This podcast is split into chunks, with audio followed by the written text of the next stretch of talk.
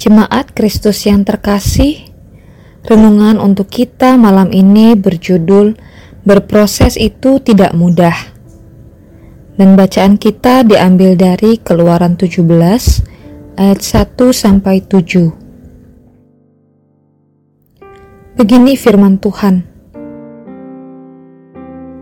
Kemudian berangkatlah segenap jemaah Israel dari padang gurun Sin berjalan dari tempat persinggahan ke tempat persinggahan, sesuai dengan titah Tuhan. Lalu berkemahlah mereka di Rafidim, tetapi di sana tidak ada air untuk diminum bangsa itu. Jadi mulailah mereka itu bertengkar dengan Musa, kata mereka, Berikanlah air kepada kami, supaya kami dapat minum. Tetapi Musa berkata kepada mereka, Mengapakah kamu bertengkar dengan aku? Mengapakah kamu mencobai Tuhan? Hauslah bangsa itu akan air di sana. Bersungut-sungutlah bangsa itu kepada Musa dan berkata, Mengapa pula engkau memimpin kami keluar dari Mesir untuk membunuh kami, anak-anak kami, dan ternak kami dengan kehausan? Lalu berseru-serulah Musa kepada Tuhan, katanya, Apakah yang akan kulakukan kepada bangsa ini? Sebentar lagi mereka akan melempari aku dengan batu. Berfirmanlah Tuhan kepada Musa, Berjalanlah di depan bangsa itu, dan bawalah beserta engkau beberapa orang dari antara para tua-tua Israel. Bawalah juga di tanganmu tongkatmu yang kau pakai memukul sungai Nil dan pergilah. Maka aku akan berdiri di sana, di depanmu, di atas gunung batu di Horeb. Haruslah kau pukul gunung batu itu, dan dari dalamnya akan keluar air, sehingga bangsa itu dapat minum. Demikianlah diperbuat Musa di depan mata tua-tua Israel.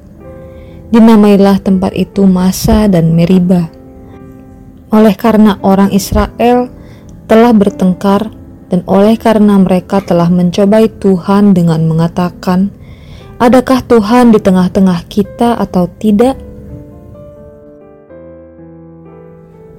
Setelah bangsa Israel mempersoalkan makanan dan hari Sabat, sekarang kita melihat bahwa mereka masih saja tegar tengkuk dan bertengkar dengan Musa.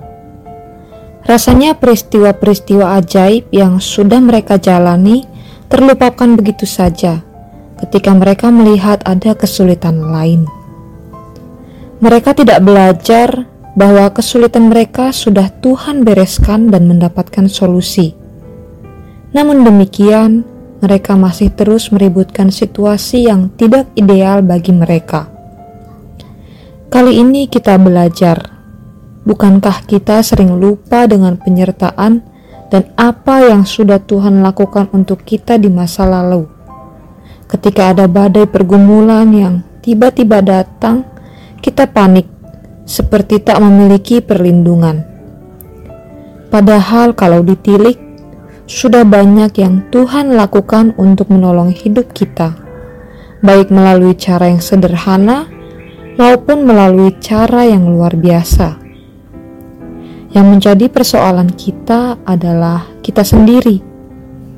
Kita sering kali terlalu bebal, merasa bisa mengatur diri kita sendiri, padahal kenyataannya tidak demikian. Bersiaplah untuk berproses bersama Tuhan. Memang tidak enak di awal, namun buahnya manis untuk kehidupan kita kelak. Jangan menolak proses itu adalah hal baik untuk hidup kita.